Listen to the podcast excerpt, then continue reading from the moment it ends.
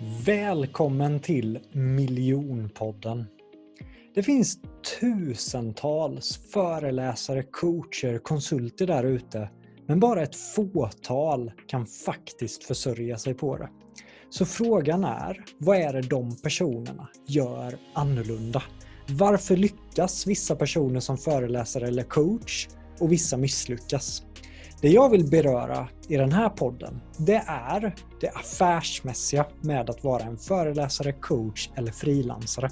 Hur säljer man in sina tjänster? Hur paketerar man sitt erbjudande? Hur ska man marknadsföra sig själv? Hur ska man approacha sig själv i sociala medier? Hur bygger man varumärke? Detta och mycket, mycket mer kommer jag intervjua några av Sveriges främsta experter inom området. Jag själv, Jonathan Ljungqvist, har 10 års erfarenhet från att jobba i den här branschen och jag har också jobbat för och med några av världens främsta coacher. Så att jag är så taggad och inspirerad att ge dig som sitter här och lyssnar hemligheterna bakom det affärsmässiga med att lyckas som föreläsare, coach eller frilansare. Nu kör vi igång! Varmt, varmt, varmt välkommen tillbaka till Miljonpodden. Och idag sitter jag här med Fredrik Kopp. Och det vi ska prata om idag det är hur bygger man en riktigt stor podcast? Är det för sent att hoppa in i poddvärlden just nu eller finns det mycket möjligheter? Hur gör man en podcast lönsam? Vad ska man tänka på med utrustning? Vad ska man tänka på med nisch? Vad ska man tänka på att undvika för misstag? Hur ska man investera för att få en bra poddmiljö hemma? Detta och mycket, mycket mer kommer jag och Fredrik som har skapat flera olika podcasts senaste åren, men den största och det han är mest känd för kan man väl ändå säga är Spökpodden, Fredrik? Jajamensan, det stämmer bra det. Vilken fin presentation du gjorde. Och sen vill jag skryta lite till om dig Fredrik, att du har ju totalt ungefär en och en halv miljon lyssningar Ja, precis. Ja, det har ju nästan, jag undrar om inte det har gått över två miljoner strecket nu till och med. Och det är ju helt eh, otroligt för en mer eh, grön poddare, Fredrik, som, som jag är, att, att jag kan sitta här med dig nu då och suga ur hemligheter, dels för min egen skull, men också för lyssnare, för att det är många föreläsare och coacher som letar efter format där man kan göra sin röst hörd och och många vänder sig till poddandet, vilket jag tycker är en fantastisk eh, möjlighet. Vad, eh, vad känner du med poddandet, Fredrik? Alltså, om vi ska dra det lite kort från början då, eh, när vi kommer in. Så ja, Spökpodden, det var ju där jag hoppade in då. Det var ju Oskar som jag körde ihop med och en eh, kille som heter Martin som startade. Och de drog igång den och sen är det ju jag och Oskar som har drivit den senaste två, ja, var det två år, två och ett halvt. Och eh, ja, vad, vad, vill jag ha sagt med det då? Jo, bara, jo, vi har ju bytt namn nu mm. eh, till Oskar och Fredrik och det gjorde vi med eh, en intention att bredda på den lite grann för att vi fick en del eh, feedback på att nej men, ni pratar bara spöken och jag tror inte på spöken och vi pratar ju så himla mycket mer än spöken utan vi pratar ju om utveckling, uppvaknande, vi har med livsöden och så mystiska saker så att det, den är så bred så att vi kände väl att eh, vi målade in oss i ett litet hörn bara på namnet för det var många som inte lyssnade på oss för den sakens skull. Och med det sagt så är det ju viktigt vad ska min nya podd heta om man ska skapa en podd och vill komma ut i poddvärlden? Hur tänkte du när du skapade din podd och skulle namnsätta den? Nu kastar du över här. Två ja. poddare, det är ju superspännande. Ja, ja det, är, det här är ju en, ett drömscenario. Man kan utbyta erfarenheter, för vi har ju olika erfarenheter alla. Verkligen alltså. Nej, men jag måste ge credden till eh, Mr Alexander Morad eh, som så många gånger förr. Jag satt på Gro. hade bestämt mig för att skapa podden. Jag visste ju det att jag har miljonkursen och jag hade ju byggt andra saker på just miljon. Men jag tänkte väl att nej, men jag kan inte köra miljonpodden. Det blir ju konstigt om jag ska ha miljon på allt jag gör. Men sen sa Morad där på Gro att men jag tycker den ska heta miljonpodden eftersom att det är det alla dina andra grejer just nu heter. Och sen har jag ju bara spunnit vidare på det. Vi ska köra miljon community, miljonshowen, det kommer säkert komma miljonboken. Och jag var ju ändå också inspirerad av Pärleros där eftersom jag jobbade så tajt med honom att han, han tog patent på ordet framgång, framgångspodden, framgångsshowen, framgångsbilen. Och jag gillade det. Ja, ja men det är ju, jag tycker det är klockrent. Uh, one million liksom. Det, det, du, du satte standarden direkt. Ja, och, ja. och desto i början var man ju ändå som sagt lite svensk och bara oh, kommer, det, kommer folk ge mig kritik för att jag använder miljon i en lågkonjunktur och, och allt vad det är. Men hittills har det varit väldigt positivt. Ja, och sen är det ju så okej okay att vi har lågkonjunktur, men alltså det finns ju pengar i världen. Pengar är ju energi precis som allt annat och det finns ju ett överflöd av allt. Mm. Sen är det ju vart man lägger dem någonstans och hur man utnyttjar de resurserna, mm. eh, tänker jag. Så, så är det ju verkligen. Ja. Jag är nyfiken Fredrik, vart, eh, vart kom din första idé med att bli poddare?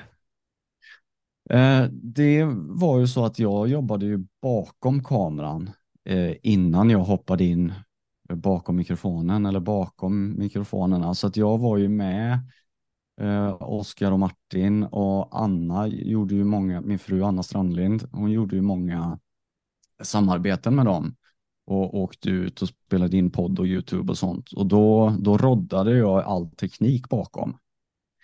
Eh, och sen blev det väl naturligt då när Martin valde att hoppa av så jag var ju redan inne i gamet. Och Oskar kände att det, var, det fanns ingen annan att välja utan eh, vi kompletterar varandra bra. Vi har ett gott snack, precis som du och jag har nu.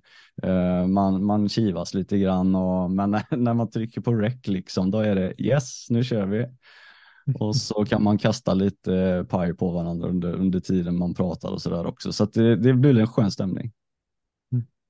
Jag tyckte ju storyn också som du berättade hur du och Oskar träffades. Ja, den, den är ju episk. Skulle du vilja dra den? ändå. Ja, För det kändes jag, ju som att det var menat att ni, ni ska podda tillsammans.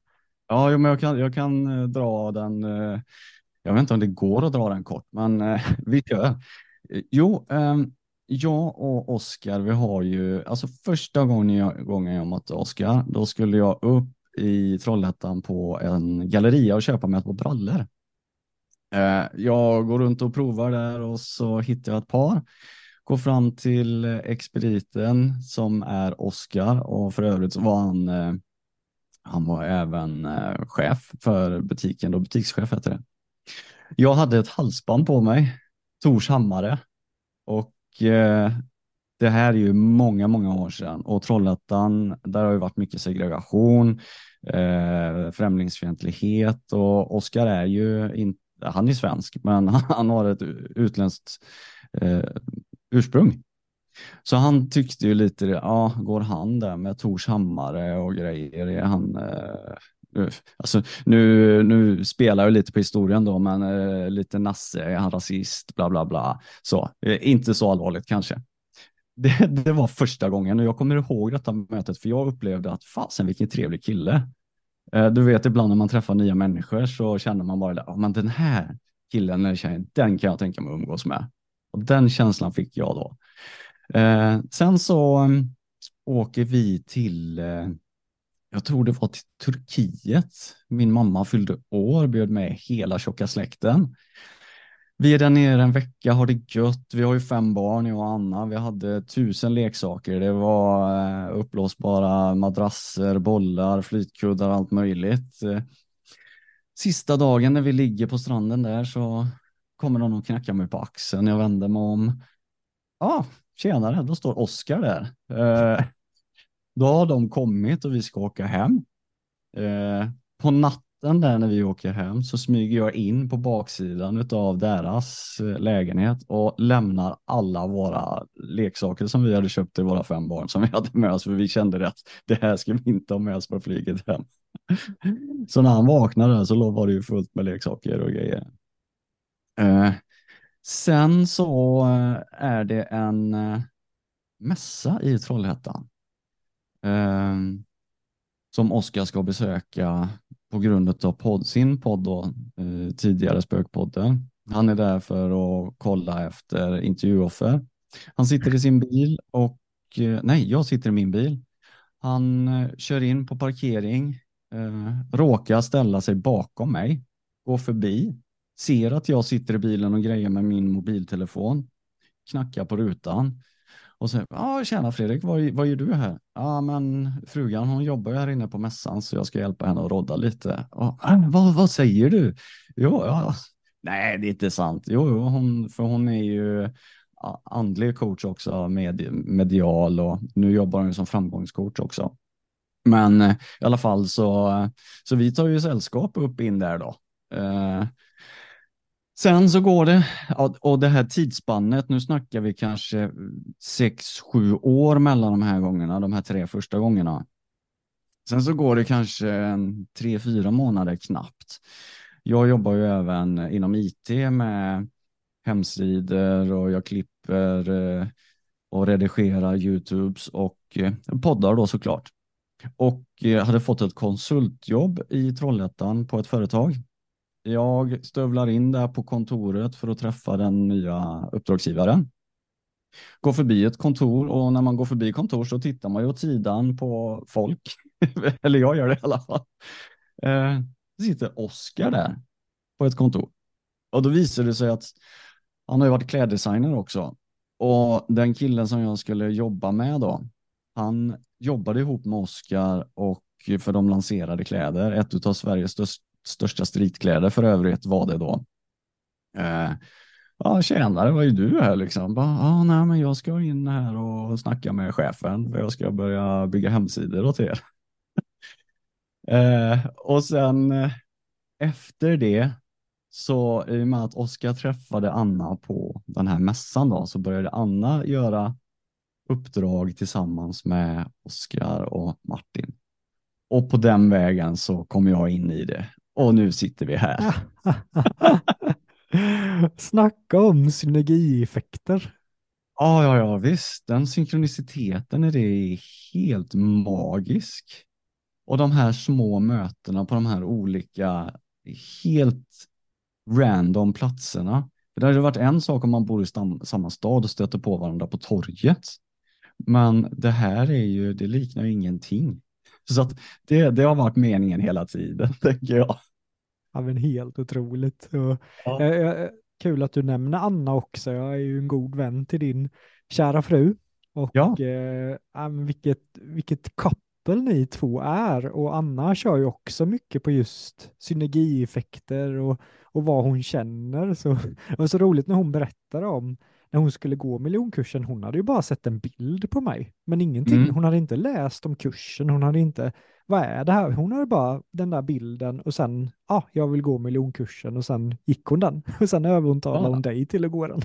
Ja, men för jag, kommer ihåg, jag kommer ihåg detta. Hon sa det till mig. Du Fredrik, eh, jag var ute på Facebook här och, och såg en, en kurs som jag ska gå. Jaha, vad är det för kurs? Ja, det är någon, någon sån här man blir bättre på att prata och man bygger eh, man bygger föredrag och man, man snackar in sig helt enkelt på ett bra sätt, sa hon då. Ja, men det låter ju jättebra, det behöver du. Eller alla behöver det, så sett. Det är inte det, är inte det att hon, eh, alla har ju nytta av att veta hur man pratar och uttrycker sig. Eh, för det är ju du väldigt duktig på, Jonathan. Och så, du har ju vunnit priser i det också, så att eh, det, det, säger ju, det säger ju en del, eller hur? Ja, men tack så jättemycket Fredrik. Ja, ja, ja. ja men jag, jag, tycker i alla fall att ni två är väldigt coolt eh, par. Ja, eh, Kopplat till att vara två pers när man intervjuar som, som du Oskar är. För jag lyssnade ju när Tim Ferris blev intervjuad. Tim Ferris är typ framgångspodden fast i USA kan man väl nästan säga. Mm. Han blev intervjuad av två personer Och där märkte man att det var en av intervjuarna som, som var helt starstruck av Tim hade ju koll typ på hans namnsdag och grejer. Det blev nästan creepy. men, Ja, den andra, ja, men den andra intervjuan hade nog inte alls lika mycket koll. Så det, det, det blev att den ene fick så mycket space och det var svårt för den andra att ta sig in i intervjun. Hur jobbar du och, och Oskar där? Alltså i början eh, när jag hoppade in, då tog ju Oskar ett större ansvar kände han, för det var ju det var hans podd och jag blev inbjuden till den på något vis och det förstår jag, för han hade ju kört eh, x antal avsnitt innan. Så att jag fick ju jobba mig in där och det egentligen så alltså ju längre tiden har gått, desto bättre samspel upplever jag att vi får. Så att nu räcker det att vi tittar på varandra för att eh, vilja komma in. Att, eh, och sen så är vi, vi är ju bra på olika saker. Vi är, vi är lite olika Oskar. Vi är intresserade av olika saker, så vi ställer ju lite olika typer av frågor också. Och Eh, det är inte så att vi har bestämt att nu ska vi köra varannan fråga, utan vi sitter ju så som du och jag gör nu. Vi har ett gött samtal Mm. och, och så ser man vad som händer där och ibland är den ena lite mer ledande, andra gånger är den andra lite mer ledande. Så att eh, jag tycker att vi har ett gott eh, samarbete där. Men i början var det svårt. Men jag fattar det och jag är jätte... För när jag lyssnade på, på dig och Oskar och eh, min polare Ludvigs avsnitt Ja, som jag tyckte var helt otroligt och ni släppte ju två avsnitt med Ludvig. ja, ja. Det, det var ju så mycket att prata om där så att det, det är väl nästan tre timmars samtal där tror jag. Jag njöt så mycket av, jag låg här i studion för jag hade lite ont i ryggen efter en paddelmatch och stretchade och lyssnade på er och ja, jag tyckte det var en jättehäftig dynamik när ni var två på det sättet. Ja, ja vad kul, tack. Men, men det, det är som du säger att det krävs en viss teknik att göra det. Mm. Eh, Det gör det. Mm. Det är ju någonting som, som man kan tänka på när man skapar podd. Att man har det med sig i bakhuvudet. Eh, Är vi en eller två som ska hålla i podden? Och sen dessutom, eh, ska vi ha gäster? Eh, Kommer vi ha en eller flera gäster frampå? Um, nu, nu hoppar jag lite här. Ja, men men- jättebra. För, Ja. ehm, för det, det handlar ju också om då, vad ska jag ha för utrustning till min podcast? Eh, när man jobbar så som du jobbar Jonathan, så är ju du, du är ju host, du har ingen co-host, du har ingen medhost. För din del när du sitter hos dig, och du spelar ju ofta in eh, online, Mm. då räcker det ju att ha en mikrofon och eventuellt ett schysst ljudkort och så in i datorn. Eller har du en helt ny dator så kan det ofta räcka med en, jag ser att du har den senaste Shure-mikrofonen va? Eh, Vad heter Mm. den? Nästa 7? Precis. Ja. Precis. Eh, Och det är ju en, det är en jättebra USB-mikrofon. Den är klockren, tycker jag. Jag har, inte, jag har provat en del mikrofoner nu eh, och du har en superbra mikrofon. Så den kan, kan vi rekommendera. Ja, det var ju du som rekommenderade den. Ja, ja, precis. Ja, jag gillar den. Men sen, sen är det också så, vad har man för budget? Eh, jag och Oskar, vi är ju inne på våran tredje uppsättning nu. Eh, och nu tycker jag att vi har landat. Eh, och du kan ju lägga hur mycket pengar på det här som helst vad det gäller studio Mm. och studiobygge och sådär. Men jag ser ju att du har ju en, en live-studio som jag tycker är jättefin. Eh, Medan jag har en, en artificiell bokhylla bakom mig nu för att jag är inte i studion. Avslöja inte det Fredrik, det kanske inte alla visste nu. Nej, men där har vi också ett litet tips till Ja, dig som poddare som, som inte har möjlighet till att skapa en studio eller ett rum för det. Eh, Zoom har ju den fördelen att du kan ta vilken bild som helst och lägga som bakgrund. Mm. Ja, men Men- det, Ja. För du har ju inrett eh, din studio. Eh, jag vet ju lite vad du tänkte på, men kan inte du berätta för de som inte ser eller vet hur din vad du tänkte på när du gjorde den? Jo, men absolut. Men jag hade ju en eh, fråga med som vi kan bolla in, för att jag vill ju att Ja. det är mycket föreläsare, coacher, konsulter som lyssnar på miljonpodden. Mm. Och eh, jag vet att många går i tankarna om att börja podda, testa formatet. Men om jag hade varit ny så hade jag ju absolut inte kört på den studion jag har just nu. Så jag tänker att om man är en föreläsare, coach, konsult och man har en något mindre budget för man vill ta en mindre risk för att sen se, går podden bra, Mm. säljer den eller inte? Jag gjorde ju så att jag hade väldigt enkel utrustning i början, men jag märkte att podden började omsätta och så har jag investerat successivt i studion. Mm. Så om vi sätter oss i personer som vill börja podda, har en något mindre budget, har en något mindre ambition. Vad är viktigt att tänka på, tycker du Fredrik, i det stadiet just kring, kring utrustning, kring idé? Alltså, poddformatet handlar ju om ljud. Mm. Så enkelt är det. Så att eh, skulle jag lägga pengar på någonting så skulle det vara på själva mikrofonen. Oavsett om du väljer en USB-mikrofon eller en XLR-mikrofon. För det är ju de två varianterna. Nu har du, sen har du USB-E och USB-C. Det, ju, det spelar ingen roll i sammanhanget. Ehm, för där har du en bra mikrofon som plockar upp så har du jättemycket vunnet. Sen vad det gäller studio så är det ju viktigt att tänka på att kanske inte sitta i det största rummet i huset utan du sätter dig i det minsta rummet. Du kan hänga upp eh, lite filtar på väggen. Du kan fylla det med kuddar, alltså ljudabsorberande föremål. Du kan hänga in tvätten i rummet på tvättstället. Eh, det finns massa enkla sådana grejer. Eh, och sen så ett måste är ju ett headset. Och där handlar det lite om vad gillar du själv för ljud? Eh, tycker du om när du har ett klart krispigt ljud eller vill du ha ett ljud där du hör väldigt mycket diskant och de högre tonerna? Eh, så väljer du utefter det, men jag hade ju rekommenderat en studiohörlur om du själv ska redigera sen också. Annars Mm. så spelar det ingen roll för hörlurarna är ju för medhörning så att du hör din egen röst. Och eh, mikrofonerna är ju så bra idag eh, och många tänker inte på det att jag ska göra ett, eh, ett experiment här nu att nu knackar jag lite i bordet och det hörs ganska väl.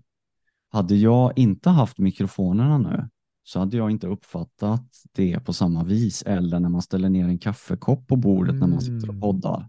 För sånt, alltså det kan ju slå sönder öronen på en.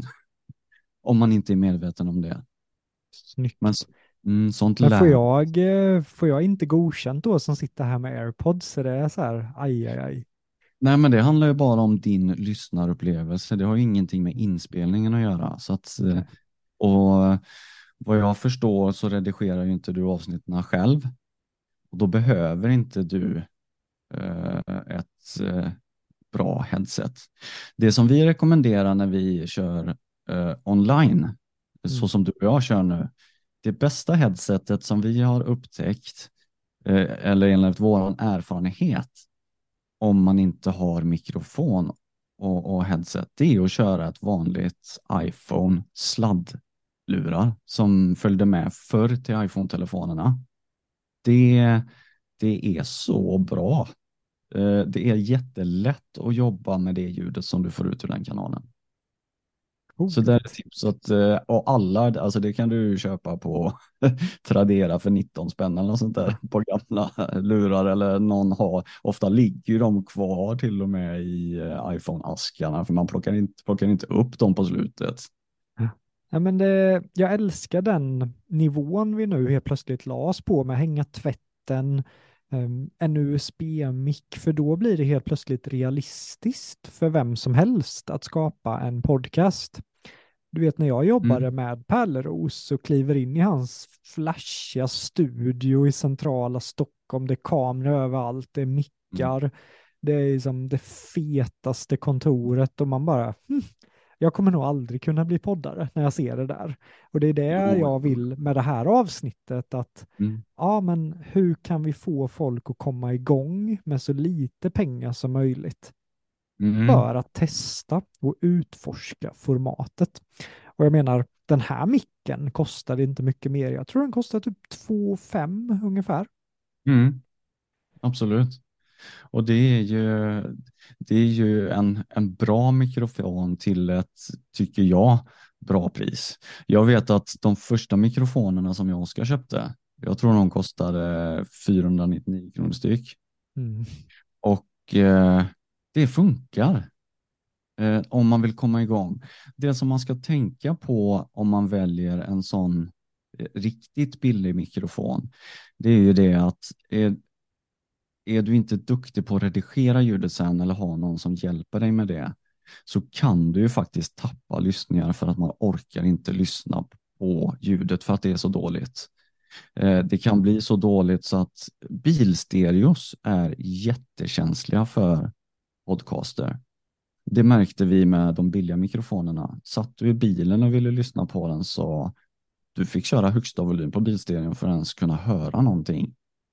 Eh, och har man en målgrupp som ofta sitter i bilen, då är det ju jätteviktigt att man inte köper den billigaste mikrofonen och att man faktiskt själv spelar in lite först.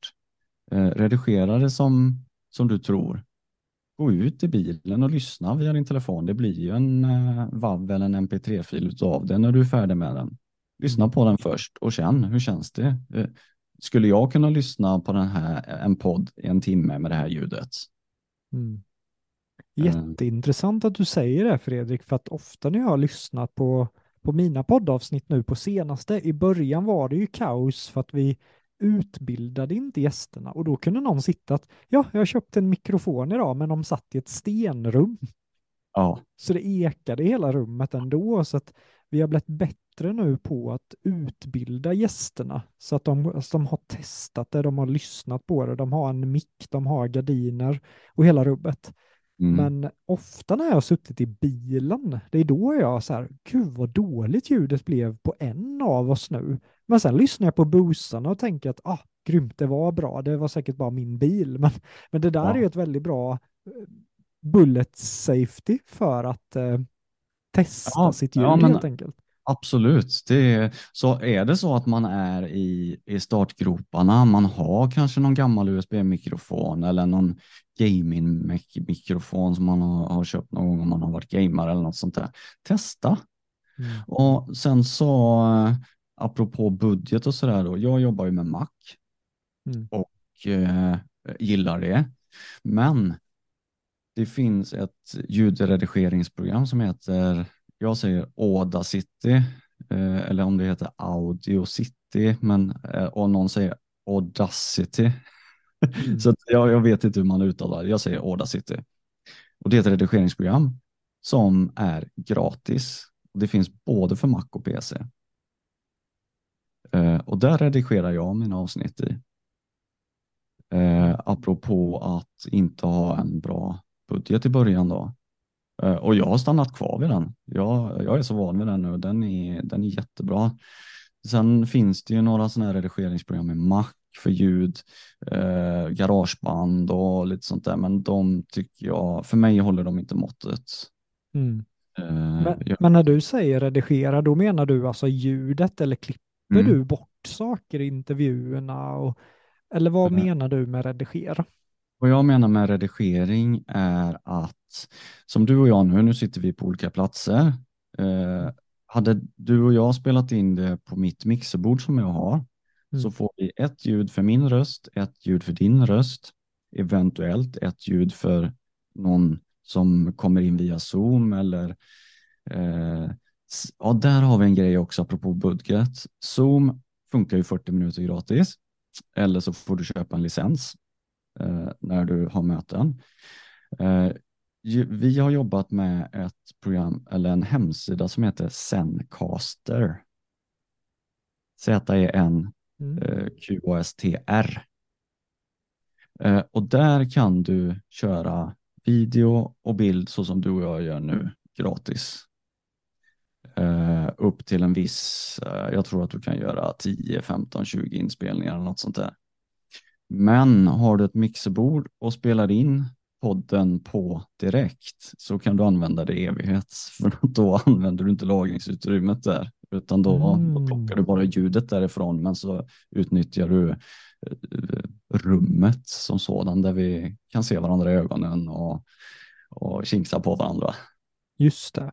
Men ett mixerbord, för jag kör ju den här podden via Zoom. Vi har ju kollat mycket på Riverside på senaste, men när man, när man kliver in i en ny plattform och det strular, då blir det ju världens uppförsbacke i att verkligen, även om jag vet att Tim Ferris och många använder ju Riverside, men det har laggat, det har strulat våra tre försök där, vilket gör det då jobbigt, medan Zoom faktiskt har funkat väldigt bra på senaste.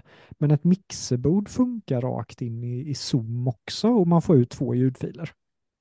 Ja, för nu så som jag har nu då, jag har ju mitt mixerbord. Jag pratar in i mikrofonen som är kopplad till mixerbordet.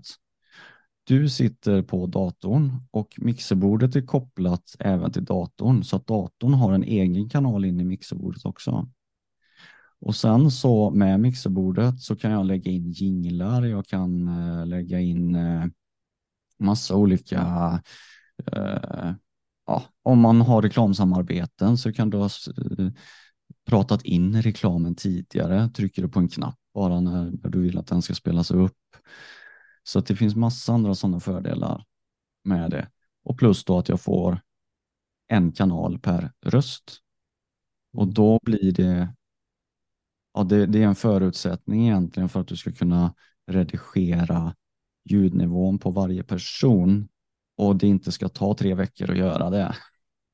För får du en ljudkanal och allas röster på alla, då måste du sitta och lyssna på hela ljudet och när den lägre rösten kommer får du markera det, den, den lilla ljudsektionen, höja upp ljudnivån på den biten, lyssna vidare. Så att det tar ju, det är ingen som orkar med det i längden. Mm. Ja, Mm. men det, så det, det kan ju vara ett nästa steg för mig då, Fredrik, att skaffa ett mixerbord.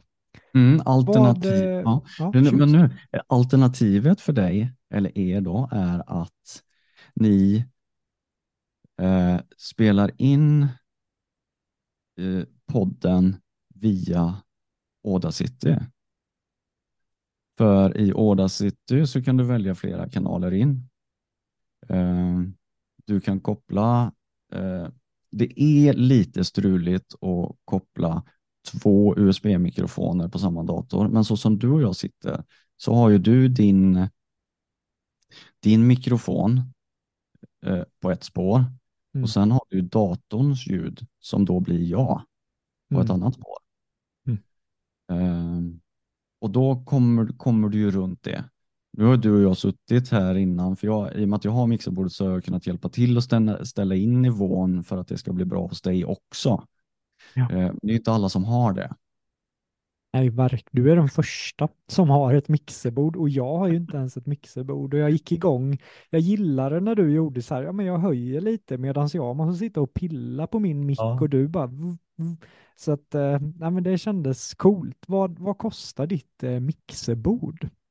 Eh, Jag har ett eh, röd eh, Podcaster Pro och eh, det kostar 4 995 kronor.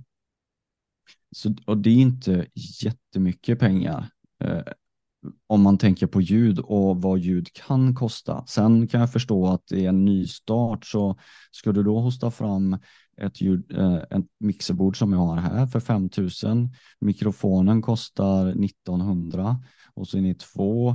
Du kommer ju upp, snart upp i 10 000 med mikrofon och bara ett mikrofonstativ kostar ju 1000 spänn om du ska ha något bra.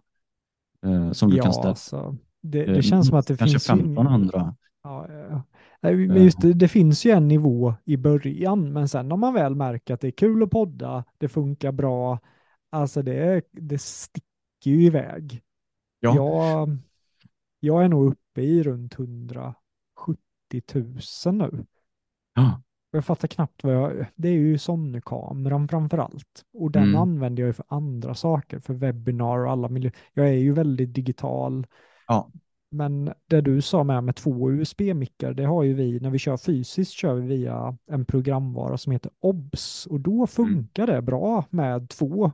Och du kan ställa in ljudet på ett annat sätt i OBS också, så det har funkat bra. Och sen, Mm. sen ljus och, och hela rubbet och nu är man ju världens geek och går in på Scandinavian Photoshop och ja men det kan nog behövas två sådana här mickar fick jag för mig igår och wow, ett par sådana lurar som du har, nej men det lägger vi på, det är nog bra att ha två också.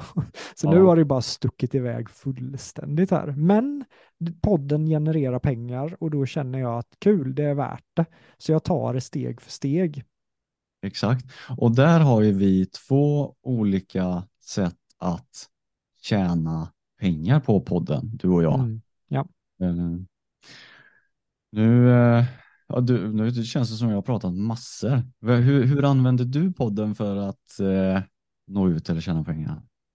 Alltså framförallt via att miljonpodden sitter ihop med miljonkursen framförallt. Och podden har framförallt sålt miljonkursen. Så innan jag hade podden då var jag väldigt beroende av att göra webinars lite här och var och säljsamtalen tog väldigt lång tid. Men tänk dig själv nu om någon lyssnar på alltså nästan 40 avsnitt om business, vilket är den enda podden i Sverige som berör det affärsmässiga för andra föreläsare, coacher, konsulter. Så lyssna på nästan 40 avsnitt med mig, vilket är upp mot 70 timmar content. Så sen när de eh, blir, hör, så jag smyger in miljonkursen i podden lite här och var, inte det här klassiska att reklam, utan när jag intervjuade Alexandra till exempel, hon gjorde sin första miljon ett år efter kursen och versa versa. Och det blir sån indirekt försäljning till mina andra tjänster. Och det är framförallt så som jag har tjänat pengar på podden genom att vara väldigt tydlig med att om du gillar det du hör här, om du gillar det här värdet, så finns det ett nästa steg. Och det är så jag har gjort business på, på podden. Mm. Och det är ju ett klockrent sätt att göra det på. Eh, kan ju nämna det för eh, människor som inte vet att att bara starta en podd genererar ingen intäkt överhuvudtaget. Mm. Noll. Det kostar bara pengar eh, i utrustning. Eh, och där kan man ju välja och, och vilken nivå man vill lägga sig på som vi pratade om förut. Du kan, du, du kan starta en podd med ett headset från iPhone eh, till att då köpa mikrofoner och kameror för hundratusentals kronor. Det finns massa nivåer där. Och är det någon som behöver hjälp eh, och, och så senare så du får gärna lägga ut mina kontaktuppgifter Mm. för jag hjälper gärna till om någon har någon fråga eller så där sen också. Eh, Så det, det finns ju alla nivåer där. Men sen så finns det ju lite olika, kan ju gå in på det också då med att starta sin podd. När du väl har din idé att ja, nu ska jag starta en podd, jag har spelat in mitt första poddavsnitt. Ja, eh, vad gör jag nu då? Ja, då skaffar du ett poddhotell. Ungefär som du har ett webbhotell för din hemsida. Och där finns det en uppsjö med olika eh, hotell för, för det, där du lägger din, eh, din musik. Eller musik, ja du kan ju lägga musik, du, du kan ju göra vad du vill i din podd, men, men därifrån den ska köras. Nu vet inte jag vad, vilket hotell du kör. Jag kör eh, Kajabi där jag Du kör, allt. Jajamän, och Mm. där kör jag ju allt annat också. Vilket Ja. har varit jättesmidigt och det är ju bara upload för Erik och så pang ut på alla plattformarna. Jajamensan. Och vi har kört, eh, eh, vad heter det, Soundcloud heter det va? Mm. Ja. Den som, Soundcloud började vi med. Men så märkte vi det att eh, det var jättebra det hotellet, men det, den, du fick ingen statistik i de svenska poddarna, typ som poddtoppen.se, det finns poddindex, det finns massa andra sådana här sid, svenska sidor du kan kolla lyssningar på eh, framförallt svenska poddar då, men så att då bytte vi till ett podd som heter eh, Podspace som vi har nu. Mm. Och där finns ju olika nivåer för hur många lyssnare man har. Så då kan man ju starta, jag tror att lägsta är 49 kronor i månaden och då kan du ha upp till, jag tror det är tusen, lys tusen lyssningar i månaden. För i starten så är det ju mamma och pappa och brorsan och kusinerna som lyssnar kanske. Eh, och då räcker det. Och skulle det vara så att du går över dina antal lyssningar så har du en månad på dig att höja upp till nästa nivå. Så Mm. att man låser sig inte där. Så det är en check, eh, check grej.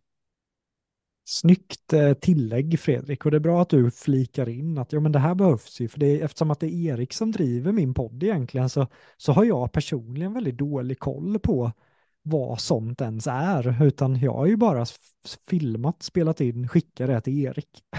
Mm, ja, precis. Så att, Men- men, men, som du sa med Kajabi där att ja, man har en fil och så laddar man upp den Mm.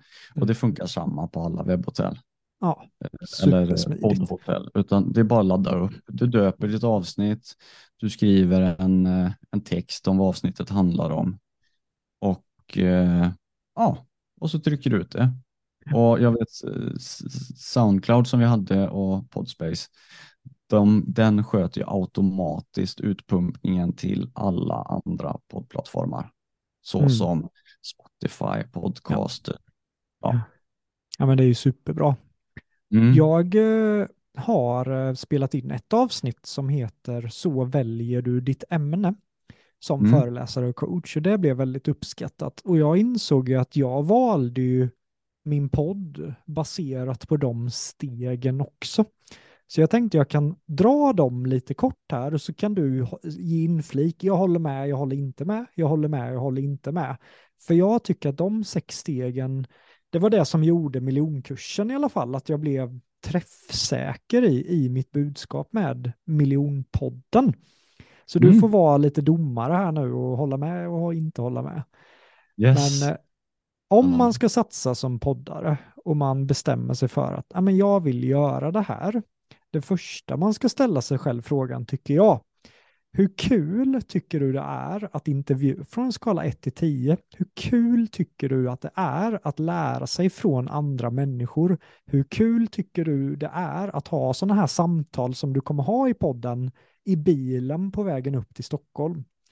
Så när jag svarade på den frågan för mig själv så var det en 10 av 10. David Phillips sa en gång att Jonathan, om man mäter din frekvens i dina käkar, hur mycket du snackar varje dag, alltså det måste ju vara världsrekord.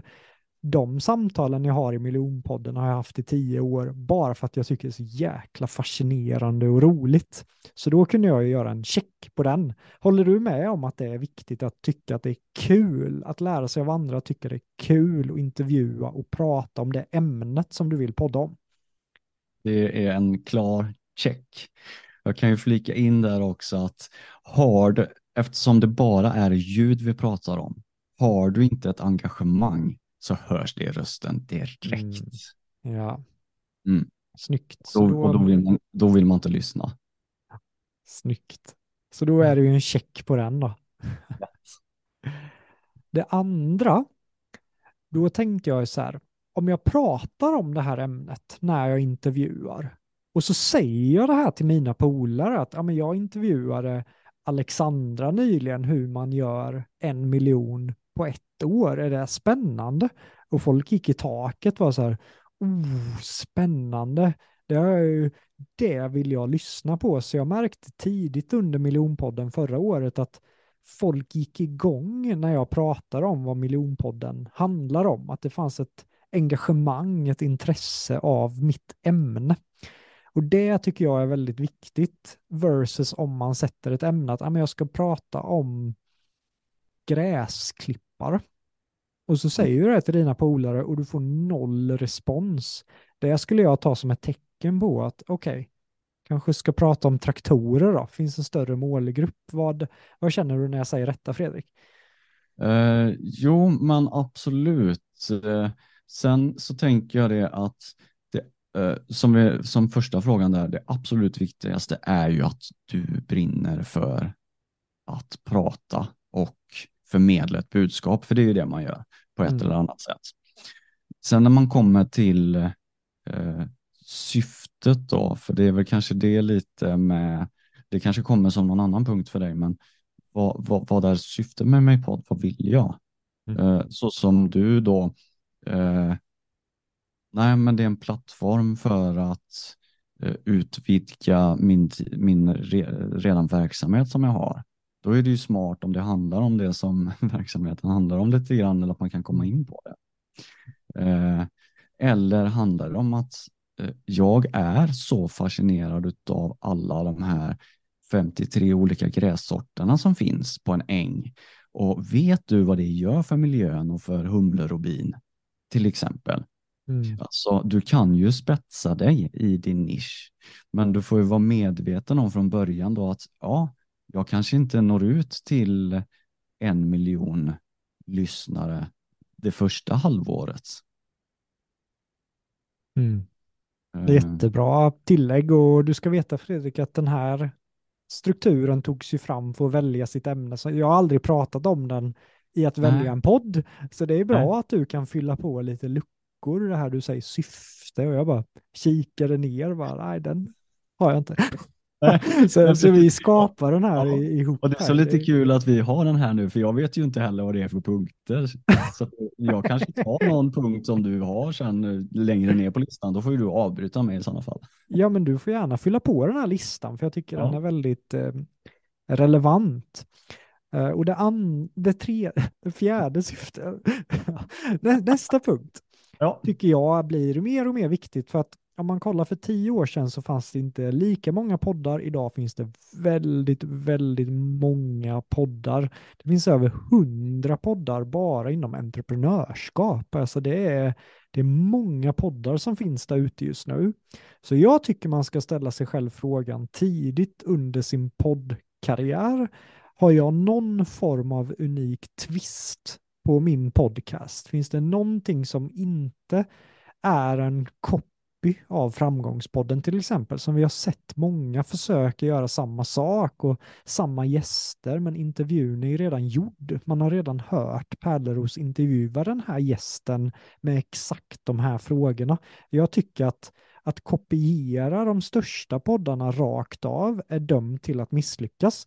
Men att kolla på USA, se trender där och kopiera de trenderna som kanske inte finns i Sverige, då blir det en unik twist i Sverige. Hur känner du med den här med att hitta någon, det behöver inte vara en jätteunik twist, men i alla fall en liten twist. Tycker du det är viktigt eller inte viktigt, Fredrik?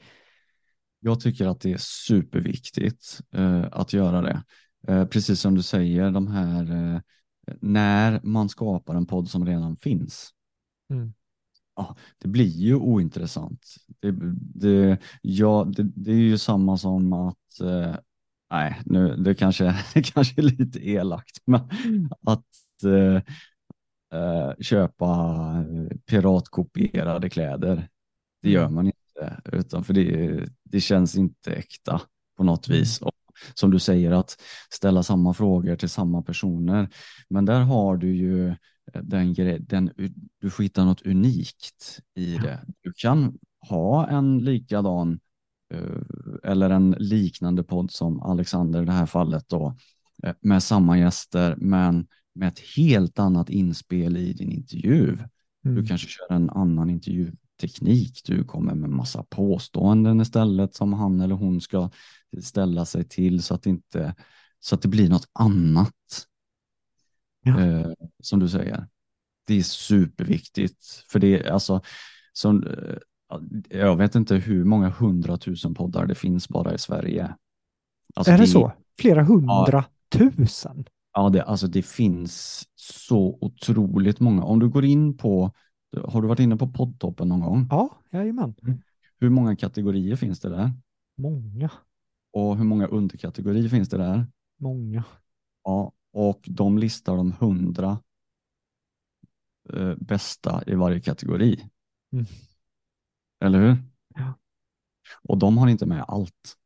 Nej, nej, nej. Och poddtoppen.se de plockar bara poddar som finns på Apple Podcaster. Det kan vara bra att veta. Statistiken därifrån kommer från Podcaster-appen. Mm. Så det är jättebra. Det, det är också mm. någonting om, om man vill eh, eh, jobba mycket med statistik. Alltså, nej, men jag har tänkt att bara köra ut via Spotify. Då kan du inte lägga någon vikt vid poddtoppen för då kommer du aldrig bli stor på den. Mm. eh, så, och det är inte alla som vet det, att aha, alla andra lyssningar då? Nej, men det, det, den tar inte hänsyn till det. Så att du kan ju ha, du kan ligga etta på Spotifys lista och så finns du inte med på poddtoppen. Det är det faktiskt ett jättebra tips ja. där Fredrik, för jag promotar ju alltid min Spotify-länk. Mm. Och förra veckan, det var väldigt kul, då gick jag in på poddtoppen. Finns jag ens med där? Finns miljonpodden mm. med där? Och inom entreprenörskap så låg den ändå på sjätte plats efter Tim mm. Ferris. Eh, och det är bara wow, och då har jag ju inte promotat iTunes eller just, jag har ju bara promotat Spotify, så det var jättekul att, att se. Så, ja, ja, det är jättebra. Eh, och sen, men i början är det väldigt viktigt. Nu har du kört en 40 avsnitt och folk börjar eh, hitta dig och börjar rekommendera dig, vilket jag tycker att man ska fortsätta göra för du gör en jättebra podd. Men precis i starten, eh, då behöver du alla kanaler. Och tänka på det när man refererar. Vill man använda en en tjänst som poddtoppen är då, eh, där man kanske kan skryta med att man ligger etta på den eller topp 10 eller topp 50 eh, och göra reklam för det. Ja, men då ska du dela antingen poddtoppens egna länk eller länken till, till podcaster-appen.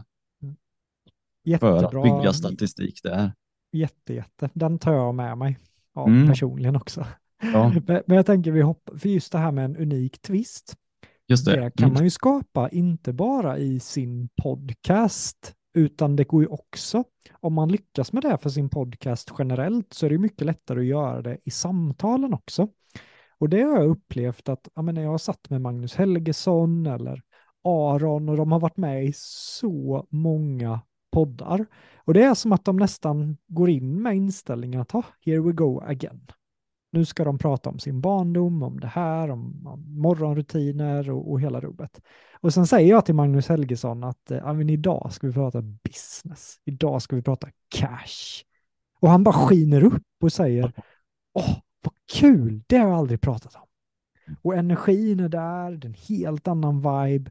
Exakt samma sak händer med Aron. Det, det händer med de flesta av mina gäster att med miljonpodden, det affärsmässiga just för föreläsare och coacher blir ett avsnitt som de aldrig har pratat om tidigare. Och då kan jag ju ta in profiler igen som folk troligen är lite trötta på, men det här blir någonting nytt. Och det har varit väldigt viktigt för mig i, i miljonpodden, om, som den här intervjun med dig nu, Fredrik, att hur många avsnitt i Sverige ligger ute konkret där det bara pratas om hur man bakom kulisserna, pengar, de grejerna vi pratar om. Hur många sådana avsnitt har du lyssnat på? Jag har inte lyssnat på något sådant avsnitt. Nej, inte jag heller. Jag, jag, lyssnade på en som Tim Ferris gjorde och jag var helt blown away. Och det var tre timmar långt. Jag, lyssnade, jag satt och antecknade och jag bara kände, åh, det här behövde jag ju för ett år sedan. Ja, eller hur? Och det, det är som du säger att det är så viktigt med intervjutekniker och sånt där. Eh, jag och Anna, vi har ju startat en ny podd nu som heter Inre framgång, där vi, hon jobbar ju som framgångscoach också, men där vi pratar eh, hur man eh, växer sig själv. Hur blir du själv framgångsrik med dig själv? Det vill säga personlig utveckling. Eh, hur, hur, kan jag utnyttja mina egna resurser så bra som möjligt? Och så samtalar vi om det och vi har även in, intervjuer där vi träffar personer då. Eh, och exakt som du säger att vi är så trötta på att höra om frukostrutiner, om den här barndomshändelsen, eller vad det nu är då, eh, speciellt med personer som är lite mer offentliga. Och där är det så viktigt som du säger att man hittar en ingång så att man inte kopierar någon annan. Och det är så lätt att göra det om du tänker till lite grann. Mm. Snyggt, eh, snyggt tillägg, Fredrik. Ja. Och jag tänkte på det som Adam sa också när jag intervjuade Adam Stumle som du har träffat några gånger. Jajamän. Ja, han är härlig. Det man faktiskt kan göra, för jag menar, det är ju inte så att någon har patent på ett ämne. Bara för att det till exempel finns en podd inom hälsa så betyder ju inte det att någon ska känna att ah, men då får inte jag prata om hälsa. Men Adam sa ju det att eh, kolla på det som funkar och, och fråga dig själv, kan du göra det bättre? För på något sätt då, om du är mer närvarande, om du är bättre storyteller, om du har ett högre engagemang och blir bättre, då är det ju en stor sannolikhet att flera som lyssnar på vissa poddar inom hälsa, även om det är liknande frågor, kommer välja dig. Jag tänker det var ju så Spotify gjorde med Parad. De kollade på det som redan funkade, det som beteendet människor hade, men de gjorde något som var snabbare, fräschare. Smoothless. Vad, vad tycker du om det? Är det under bältet att tänka så, Fredrik, eller hur, hur tänker du där? Nej, men det, så måste du tänka. Mm. Uh, för att uh, det som man kan tillägga också då, nu när vi är inne på det, det, det tar tid att göra podd. Mm det är inte så att vi sitter här nu i en och en halv timme och, och snackar lite. Eh, sen ska det redigeras. Det ska ordnas mötesrum på nätet. Det ska, eh, man ska jaga folk. Så det tar mycket tid. Du behöver vara intresserad. Alternativt att lägga in hjälp då som, som tar hand om allt det tråkiga så du bara sitter och pratar. Men som du säger att det är så sjukt viktigt att du brinner för det du gör och självklart så kan vi ju göra det bättre än andra mm. på vårt sätt. Ja. Mm.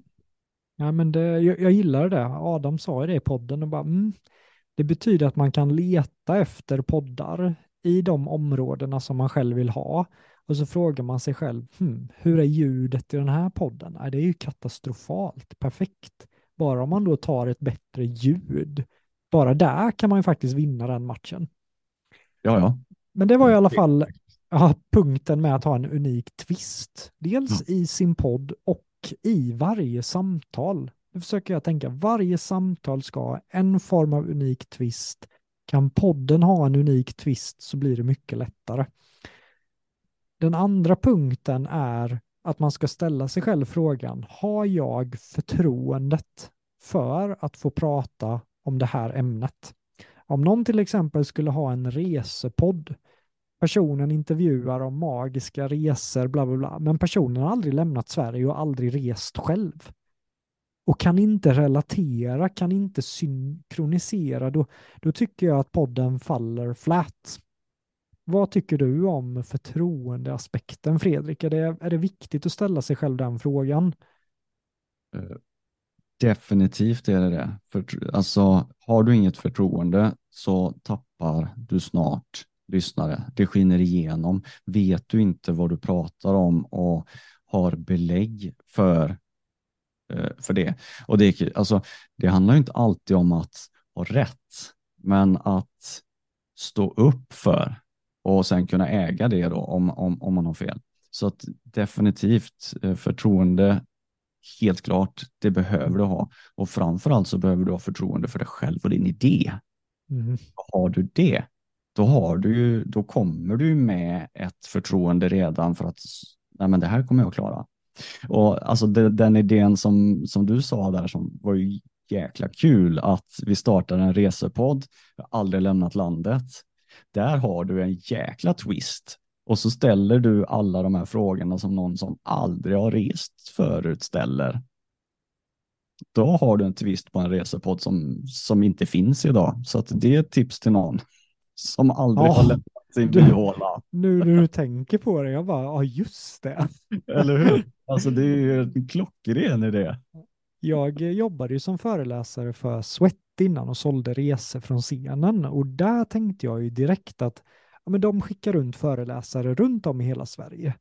Hur fett vore det inte att bara intervjua någon som precis har bestigit Mount Everest Base Camp en och en halv timme, sen länkar de ju bara, ja, köp resan här och promota det avsnittet och kanske intervjuar olika karaktärer.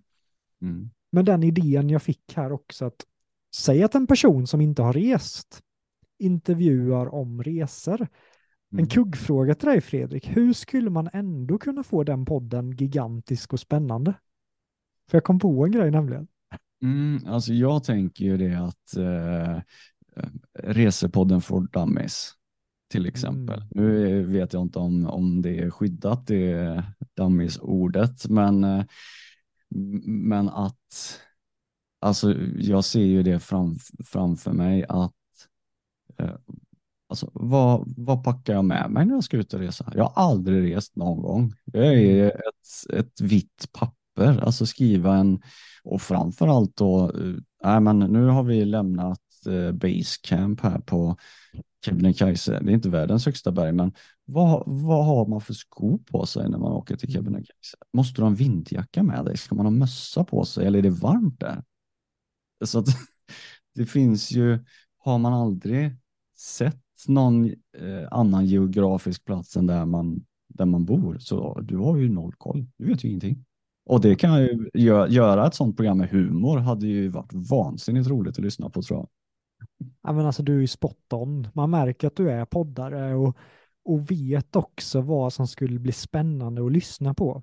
För jag menar, tänk dig det här introt Fredrik till Resepodden. Nu får väl någon sno den helt enkelt. Man får gärna Ja. swisha mig och Fredrik ifall man känner att man gör miljoner på den sen. Vi, vi tar royalty per eh, stream.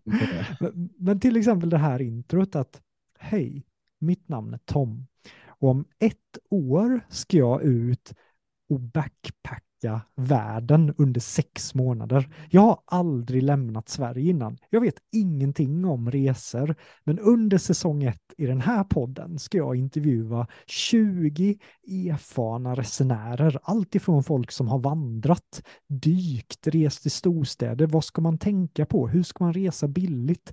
Hur, hur ska man tänka kring säkerhet? Jag har ingen koll på någonting, men jag vill lära mig det här så att följ med på min resa mot min första stora backpacking-äventyr ute i världen. Jag är så nervös, men ändå exalterad över det här. Ja, eh, det är ju en pitch till TV4. Jag märker Till att jag har haft sommar nu Fredrik, så jag, jag Jajamän. Behöver pitcha saker för att må bra. Ja, Nej, men det, det är ju så himla roligt att göra det också. Och nu när vi Mm. pratar om, eh, det är också när man eh, ska tänka på att starta podd, att du ska kunna prata om ämnet så som du och jag pratar nu. Alltså, vi älskar poddandet, vad kan man göra med det? Och eh, som du sa tidigare, jag har också gått miljonkursen och det är ju en, en jättebra plattform för att vad ska jag tänka på för att nå ut? Hur, eh, hur hookar jag folket? Hur Mm. låter jag dem hänga i luften och så vidare? Hur bygger jag stämningen och så vidare och så vidare. Eh, Jag kan bara tala gott om, om kursen så gå den. Men det är ett annat avsnitt. Stort tack Fredrik. Och Ja. du kom Eh. ju till mig där och sa, "Men funkar det du lär ut till, till poddare? Och då hade inte jag miljonkursen, så jag visste ju inte helt. Men, men det Nej. känner jag ju mycket mer trygghet i nu när jag implementerar allt det jag lär ut i miljonkursen i min egna podd och känner att den sticker iväg, folk lyssnar, jag tjänar pengar på den och då äh, det känns superroligt att leka med det affärsmässiga kring en podcast också. Absolut. Ja, det är det ju. Men vi har ju ja. nu pratat om, man ska tycka det är kul att podda. Gå andra igång på det? Varför skulle andra vilja lyssna på den här podden? Unik twist på sin egen podd och försöka få in det i varje samtal också. Och sen då har jag själv förtroende för det här ämnet och om jag inte har det, gör dig själv till en karaktär som bygger förtroende under resans gång som folk går igång på att följa. Mm. Och det andra, det, nej det andra, nu är jag ute och cyklar Fredrik, men det andra, det är typ femte, Ja. det är att man ska ställa sig själv frågan, kan folk faktiskt, hur, hur ska jag tjäna pengar på den här podden? Och det var en fråga jag ställde mig själv väldigt tidigt i miljonpodden och jag bestämde mig för att inte satsa på sponsorer och så just nu. Jag kommer troligen göra det desto, mer, desto större podden blir. Men jag bestämde mig tidigt för att jag vill sälja miljonkursen i miljonpodden. Mm. Och det är så jag ska tjäna pengar på den här podden. Jag tycker det är en viktig fråga då att ställa sig själv i tidigt stadie. Vill du fylla på med något där, Fredrik? Alltså, ja, där, där är vi tillbaka till syfte då också, mm. syftet med podden. Eh, förutom att det är jäkligt kul då. Men eh, eh, vi har ju varit inne på flera olika delar, eh, jag och Oskar och även jag och Anna nu, på hur kan vi tjäna pengar eller på det som vi tycker är roligt. Eh, huvudsyftet med eh, Spökpodden, Oskar och Fredrik-podden och nu Inre framgångspodden, det är inte att tjäna pengar eh, i den bemärkelsen, utan huvudsyftet för oss är att sprida budskap och få ut våra tankar och reflektioner samtidigt som att man självklart vill få in eh, kunder och, och så vidare och så vidare. Eh, så där får man ju tänka lite olika som du säger. Eh, och det finns ju, eh, varför vi bytte till eh, Podspace är att de har ett program, eh, ett sponsorprogram där man kan få eh, del utav reklam i sina avsnitt. Eh, nackdelen där är att du bestämmer inte själv hur många reklampauser det blir och inte när de blir. Så att det kan bryta mitt i en mening. Men du får några ören per, per lyssning per reklamsnutt. Har du väldigt många lyssningar, ja då blir det ju lite pengar. Eh, sen som du säger så kan man ju jaga, eller jaga, ja, fixa sponsorer och göra egna reklaminslag. Det har jag och Oskar gjort en del i våran podd. Ehm, och då handlar det också om, vad handlar min podd om? Vilka företag kan tänkas stå bakom det här som jag pratar om? Är det intressant för företaget att sponsra eller köpa reklam i min podd? Når jag deras målgrupp med eh, alltså det företaget som ska köpa reklam, kommer de nå sina kunder? För gör de inte det så är det helt ointressant. Mm. Och sen så har vi också då som kommer mer och mer Patreon som är en betaltjänst eller en prenumerationstjänst där man som kreatör, eh, du och jag i det här sammanhanget, vi är podcastkreatörer. Där. Patreon funkar för allt. Där skapar du ett konto du skapar olika medlemsnivåer till dina medlemmar som du vill ska gå in där och så köper de ett abonnemang där för en summa som du själv bestämmer. Och det kan vara allt från 9 eh, kronor i månaden till 25 000 kronor i månaden. Men du måste också leverera ett värde som är värt mer än vad det faktiskt kostar att gå in på varje eh, eller prenumerera på de olika tjänsterna. Då. Mm. Och då kan du använda din podd eh, till att, ja men Eh, vill du lyssna på Oskar och Fredriks podcast utan reklam, utan eh, avbrott, eh, få egna speciella avsnitt som bara släpps där bakom kulisserna då ska du besöka Patreon, Oskar och Fredrik. Det kostar 39 kronor i månaden och det kan du avsluta precis när du vill. När du har tröttnat på oss, då behöver du inte vara med. Men vill du få en härlig lyssnarupplevelse, gå in och följ oss där. Snygg pitch, Fredrik precis.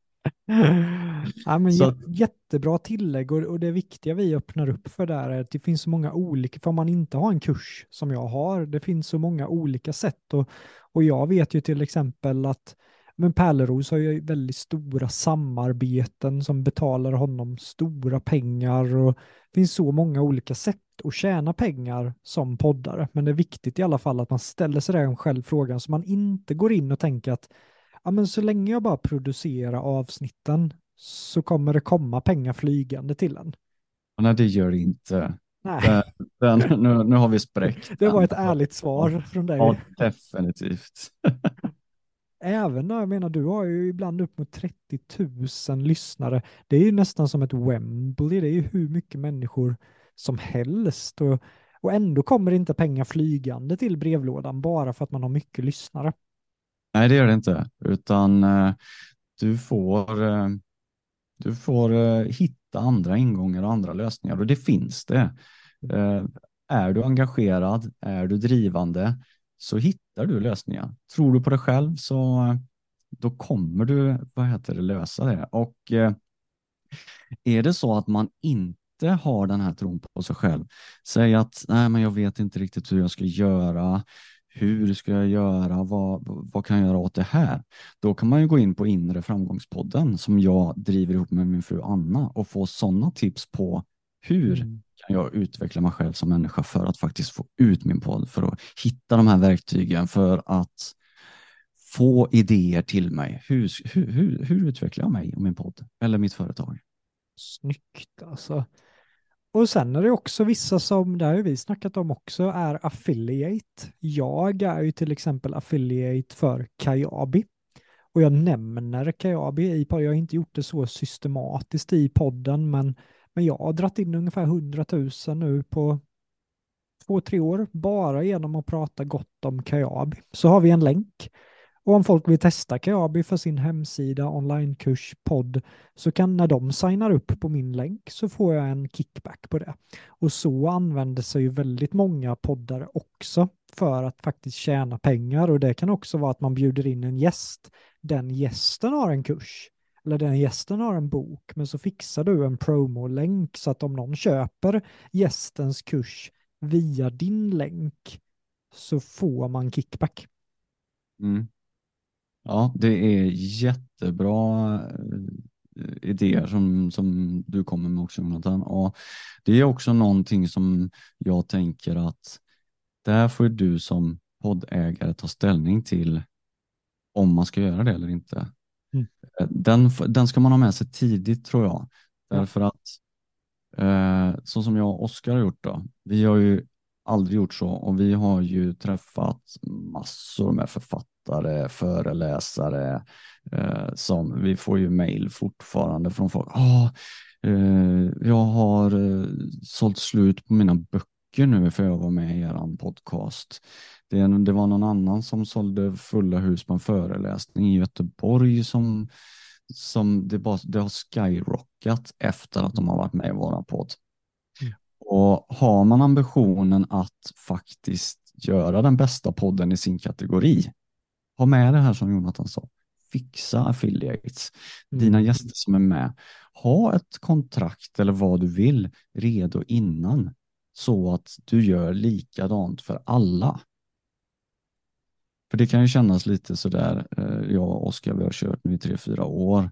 Eh, jag känner en lite delad mening till att ja men ska vi plocka in det här med affiliates så ska vi ta provision på de som är med oss från och med nu? Ja, det kan man göra. Men vad tänker de då gästerna? Vill de vara med oss? Alltså, så att man bollar de här frågorna med sig själv så att man faktiskt har ett svar på det här också om tanken eller frågan dyker upp. Ah, varför gör ni det här nu då? Ja, nej, men det gör vi för att den författaren, han sålde slut på sitt lager efter han hade varit med i våran podd. Mm. Och det var det som kickade det. Eh, och då har du någonting att möta med. Så att eh, ja, det finns alternativ till allt. Ja, och jag är ju, jag ger alltid, om någon vill ha, kommer till mig och säger Jonathan, jag kan sälja in din kurs här, då erbjuder jag alltid provision. Och mm. om man då har en podd som har några tusen lyssningar nu med min nischade målgrupp och så kommer en hälsocoach som får ett sånt spotlight också. Jag eh, ser inga bekymmer med att faktiskt säga att ja, men jag skulle vilja ha en, en katt om du säljer dina kurser. Jag har inte gjort det ännu, men eh, jag är öppen för att, att gå åt det hållet också för jag såg vad Pärleros gjorde för sina. Jag, jag jämför ju mycket med honom eftersom jag, jag jobbar så tajt med honom, men Alltså han fyllde ju upp vissa kurser för miljontals kronor. Mm. Innan han tänkte på det här då med affiliate och kickback. Och jag menar, det var ändå miljon... Han, han räddade ju folks karriärer. Jag tycker det är självklart att han borde ha tagit en katt på det alltså. Mm, ja, nej, men jag håller med dig, för det är en win-win. Ja. För den personen som kommer till din podcast vill ju berätta om sig själv, få ut sig själv i flödet, Mm. göra reklam för sig. Och eh, det, vänder man på det, alltså vilken annan kanal, eh, mediakanal kan du göra gratis reklam på? Så här Ingen. länge också. Ja, Det är inte skillnad på en an annons i en tidning, men att sitta i en och Ja. en halv timme och prata om sin kurs och ge värde, det är ju Ja. ett, eh, ett otroligt sälj, säljande sätt också. Absolut. Så att det, nej, och så som sagt, våga, våga ta det. Mm. Att nej, men tack och bock då, då väljer vi din konkurrent här, för han eller hon vill också vara med i våran podd. Nej, men jag, eh, mm, gött Mm. tugg, det känns som vi pratar om lite så här, uh. Ja. Jag kände när jag själv sa det här, bara, uh, ja det är Ja. ändå, nu har jag lagt ut det här då. Ja, men absolut. Jag tycker Det, ändå det är viktigt vi pratar om saker som inte pratas om. På tal om våran lista här nu Fredrik. Det får Ja. bli våran föreläsningsturné någon dag, den här listan Ja. då, som vi uppfinner i, i det här samtalet. Jag har några punkter kvar där. Mm. Eh, Och en av punkterna som jag också tycker man ska ställa sig själv frågan tidigt är hur mycket tid har jag faktiskt för att satsa på poddandet? Och förra hösten när jag började miljonkursen och jag ställde mig själv den frågan, hur mycket tid har jag? Och mitt snabba svar var, det är inte mycket. För jag ska bygga föreläsningar, jag har miljonkursen, det är community, det är lansering av community. Det är inte mycket tid jag har råd att investera i podden. Så därför valde jag Zoom. Därför valde jag USB-mickar. Därför valde folk sa att Nej, men det blir bättre om de kommer fysiskt. Men jag har inte den tiden. Antingen är det det här eller ingenting alls. Så jag valde att bygga podden i början på väldigt, väldigt lite tid. Ett avsnitt i månaden kom ungefär i början. Det var den tiden jag hade att spela med. Inför den här hösten, när podden, när jag nästan dragit in en miljon bara på podden, då känner jag hur mycket tid har jag för poddandet? Det är sjukt kul. Jag blir några procent bättre hela tiden. Den har tagit bort mycket av tiden jag la på att sälja innan, för podden säljer åt mig. Nu inför den här hösten, den här veckan Fredrik, har jag åtta intervjuer. ja, Jag har sjukt mycket tid för podden helt plötsligt. Ja. Och det, är- det är som du säger, alltså det är så otroligt viktigt att ställa, det, ställa sig den frågan från början. Hur mycket tid kan jag investera? Mm. Därför att när man släpper podd, när man släpper YouTube, när man, spelar ingen roll vad du släpper, så behöver du tänka över vilket intervall ska jag släppa mina avsnitt i? Mm. om du känner i början att, för det tar tid, det tar tid att spela in podd, det, det måste man veta.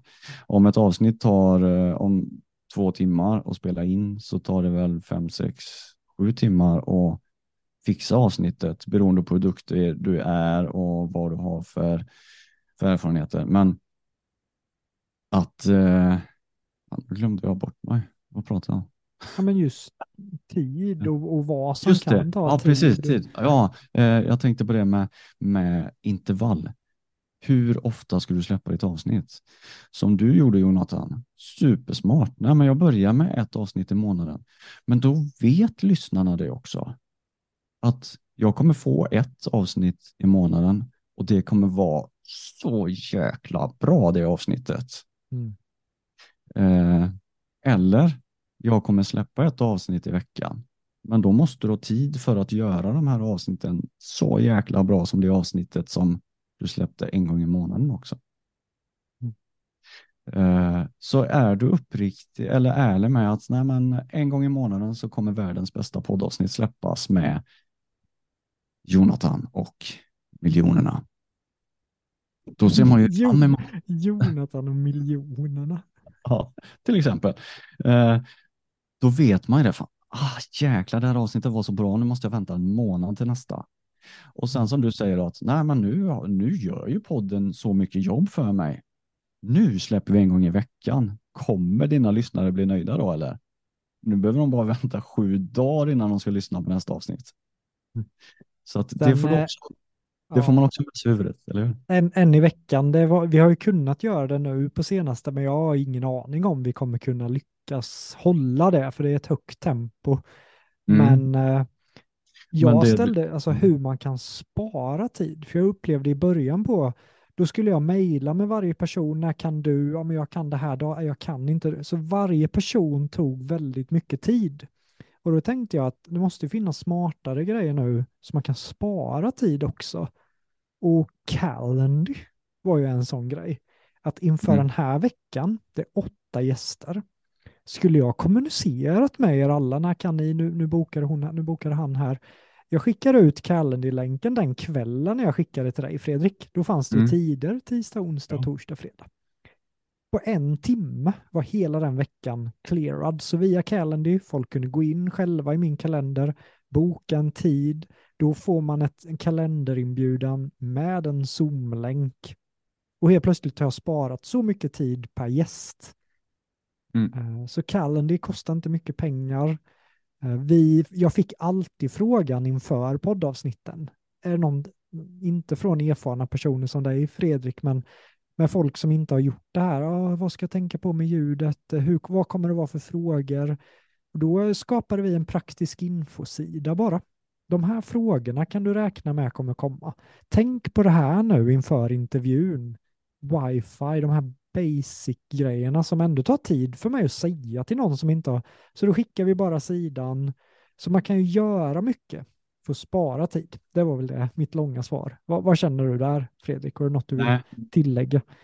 nej, jag håller med dig om att eh, det är ett jättesmart sätt att, att spara tid på.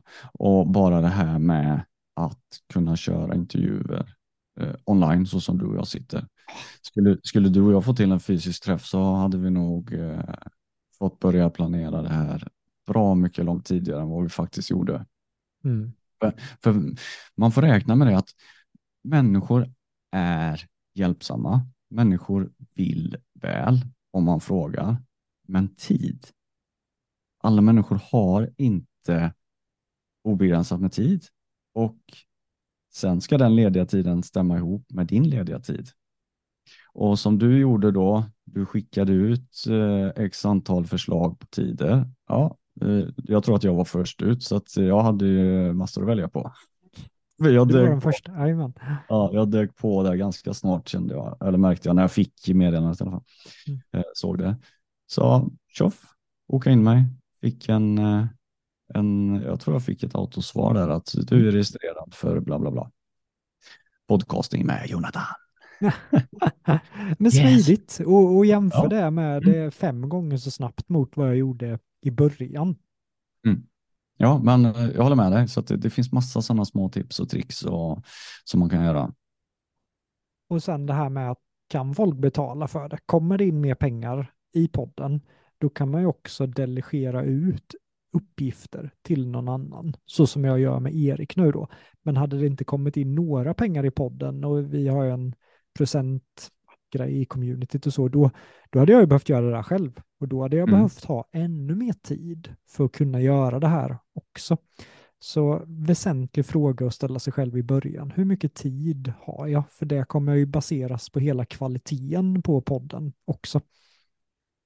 Men det är, ju, Definitivt. det är ju research som tar tid. Den är ju en av de största tidsaspekterna.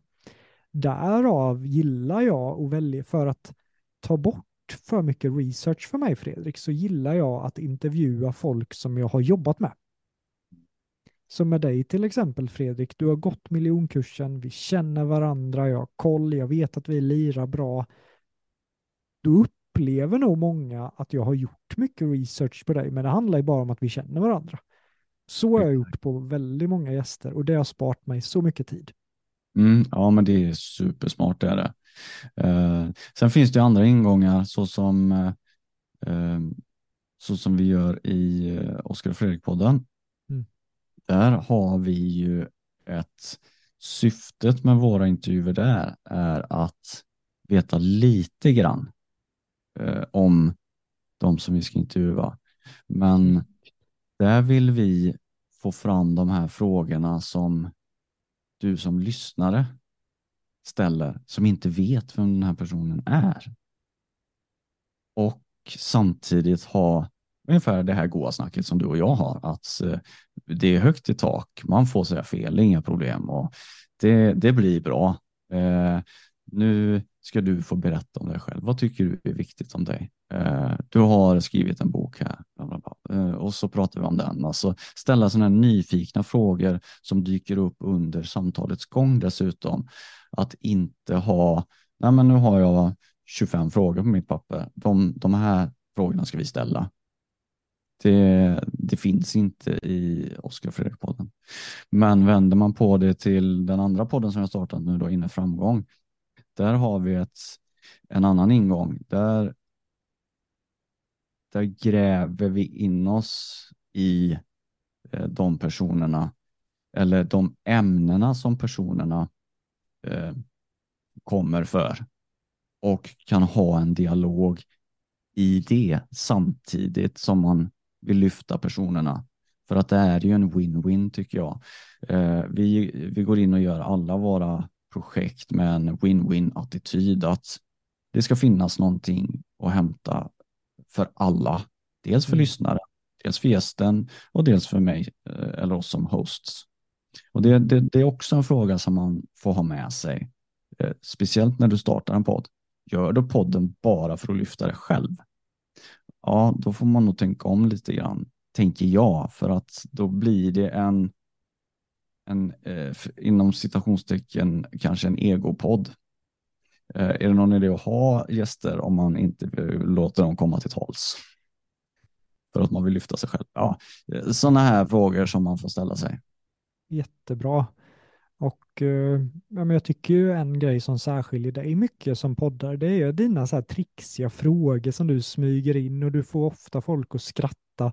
Vilka är dina tre favoritfrågor att ställa som poddare där du upplever att folk blir glada, de blir taggade, de blir personliga, de släpper pressen över att jag intervjuas. Har du några så här favoritfrågor? Jag har ju ett sätt eh, för att få personen avslappnad. Och det är det att innan varje inspelning eller vi bestämmer ju att ja, men klockan tio ska vi spela in. Inspelningen tar ungefär, eller du får lägga ungefär två timmar på det. Sen så har vi ett gött snack i början. Eh, vi presenterar oss för varandra, man eh, eh ja, känner lite grann på varandra sådär och där är det väldigt viktigt för dig som intervjuare att prata på ett sådant sätt där du känner in vilken typ av frågor kan jag ställa. Alternativt så är, är, har du en person som, som kommer dit för ett känsligt ämne eller du mm. vet att man ska prata en känslig sak. Eh, då ställer vi rätt ut. Du, um, får vi prata om politik med dig? Är det okej? Okay? Eller känner du dig obekväm med det? Eller ehm, man, vi har intervjuat eh, flera människor där eh, ja, någon har förlorat ett barn, någon har varit nära döden, varit med om olyckor. Får vi prata om olyckan? Eh, får vi prata om det här? Alltså det är superviktigt. För skulle du göra det snedsteget i intervjun sen, då dödar du den. Eh, så att jag, jag lägger förarbetet där innan eh, så när vi trycker på rec, då finns då ska det inte finnas några frågetecken för mig. Vad kan jag ställa för fråga? Eh, vilken nivå ligger humorn på? Man kan dra något skämt innan lite, känna lite på, det fasen var kul, ja, vilken eh, fin tröja du har på dig idag. Och så, eller ah, vad har du där bakom dig, bakom axeln liksom? Det där ser konstigt ut. Och så vänder de sig om oss. Jaha, det var din skugga. Uh, nej, men alltså var det kul? Mm. Uh, nej, det var skittråkigt. Får inte en reaktion. Nej, men ja, ursäkta dåligt skämt, men uh, sån, mm. sån är jag ibland. Ja, då vet du i intervjun mm. sen att nej, men något mm. sånt drar jag inte. Mm. Så att det mm. finns så mycket du kan göra innan du trycker på rec som gör också att när du har den tryggheten med dig att jag kan ställa vilken fråga jag vill, då kommer frågorna till dig. De, mm. de, de, de finns där redan. Så att jag har inte eh, en lista med där jag har listat upp några favoritfrågor, utan jag känner in det eh, på något sätt så att med min trygghet som jag har byggt upp, dels genom alla de här, vi har nog spelat in med Inre framgångspodden och med Oskar och Fredrik-podden och andra poddar har varit med. Jag tror jag har varit med över 300 poddavsnitt snart. Mm. Och man lär sig. Eh, det kan vara lite svårare just när man kör online-möten. Det är lättare att känna av eh, ibland när man träffas fysiskt. Bara det att köra en fysisk intervju, gå fram med öppna armar. Har du möjlighet att ge intervjuoffret en kram eller blir det obekvämt mm. där? Ja, men då den personen har en viss form av integritet mm. eh, på sitt sätt som är helt fine. Det är ju upp till var och en själv att känna att man kan ge eller inte. Men redan där i första handslaget så kan du känna av att ja, men den här personen, han är, eller hon eh, står upp för, har, har, inga problem, högt i tak och så vidare. Mm. Ja, men, mm. eh, Ett långt svar. Men... Ja, men sjukt intressant och spännande och det här är ju verkligen svar från erfarenhet av 300 samtal, så jag tycker det är fascinerande. Och ja, jag kan väl känna det här med fysiska intervjuer. Nu har ju vi bara gjort några stycken och då har jag behövt vara, jag ville intervjua Aron tidigt, till exempel mm. Aron Andersson, för jag kände att det var svårt att få de här större bjässarna för de undrade vilka har varit med i din podd och jag, jag hade inte de här tunga namnen i början riktigt så jag, jag visste att Aron skulle vara viktig. Uh, och jag skrev till honom flera gånger, det rann ur sanden, han är sjukt upptagen, men helt plötsligt var han i Jönköping och han skrev tja, ska vi käka middag? Och jag sa absolut, är det okej okay med att ta med micken också så jag kan intervjua dig? Han bara ja, okej okay då. Så ja till eh, liksom hans hotell där och Lukas är med och vi riggar i hans hotellrum och han hade ont i rumpan med för han fick sitta vid fönstret. Vi smällde upp ett, en säng och vi har med en bil full med mickar. Jag glömde att ladda den ena myggan. Ja. Vi inser det här när Aron kommer upp i rummet och säger ja, det börjar bli sent, ska vi köra igång? Då inser vi att den ena micken är ju död. Vilket betyder att Lukas måste göra någon specialgrej med att spela in via mobilen här, här, här. Så jag satt ganska stressad alltså, hela den intervjun. I värsta fall. Ja, så, så, så jag kan känna mig betydligt tryggare här nere i studion. Jag går ner här, man har koll, det är lugnt. Så varje gång vi har gjort en fysisk intervju och behövt ta oss till gästen så har det varit trixigt. Men det har också berott på att vi är så pass nya. Jag har gjort fyra fysiska intervjuer. Det blir lättare och lättare för varje gång. Men väldigt trixigt när man ska flytta mycket utrustning. Det räcker med att man glömmer en sladd så kan det förstöra hela intervjun ju. Ja, ja, ja, eh, jag håller med dig. Det var som när vi eh, åkte upp till Oslo och eh, intervjuade, vad heter han nu? Chris Medina. Mm. Eh, han, eh, ja, den här sångaren som var med i American Idol med en, hans dåvarande flickvän var med i en bilolycka What are words heter låten. Eh, alla har hört den. Eh, men då åkte vi ju dessutom till ett annat land. Nu är ju kanske inte Norge då så himla, eh, men vi är långt hemifrån och som du säger, vi hade med tre eller fyra kameror. Vi hade med tre mikrofoner, mixerbord, vi hade med lampor för ljussättning, skärmar för att skärma av. Alltså, stativ och du fyller ju lätt en bil. Och som du säger med det här, ja men hade inte du laddat det batteriet? Nej men jag trodde mm. att du gjorde det. Mm. Den här USB-sladden som är från mixerbordet till datorn, men vi hade ju den sist. Så att man får, det är som du säger, man, man måste ha struktur på sina grejer när man har med sig det ut. Så att kolla gärna över en gång för mycket och kolla rummet när man lämnar en gång för mycket. För det kostar mycket pengar Och, Ja. och vi gjorde ett sånt misstag i Toscana, Fredrik. Det var fruktansvärt. Jag eh, hade en vanlig duffelbag. Eh, Vi skulle göra en intervju med Max Sten, som vi har släppt, i balkongen hemma hos Peppe. Så jag la ju mina armar och hela rubbet i en duffelbag som inte alls då skyddas för alla stötar kring ett flyg. Så ena min arm sprack under eh, flygresan. Så det betyder att vi fick ju sitta och hålla i mikrofonerna och faran med det blir ju att då blir det ju olika ljudfrekvenser. Så Lukas, jag vet inte hur många timmar han fick lägga på att klippa det avsnittet. Nej, nej, det förstår jag. Där har jag ett tips Ja, till er som känner att nej, men eh, med en begränsad budget då. Jag har inte Mm. råd att köpa en mikrofonhållare eller något så, utan vi kommer hålla mikrofonen. Då säger du till intervjuoffret och dig själv att lägga mikrofonen på hakspetsen och så har du kontakt med den hela tiden.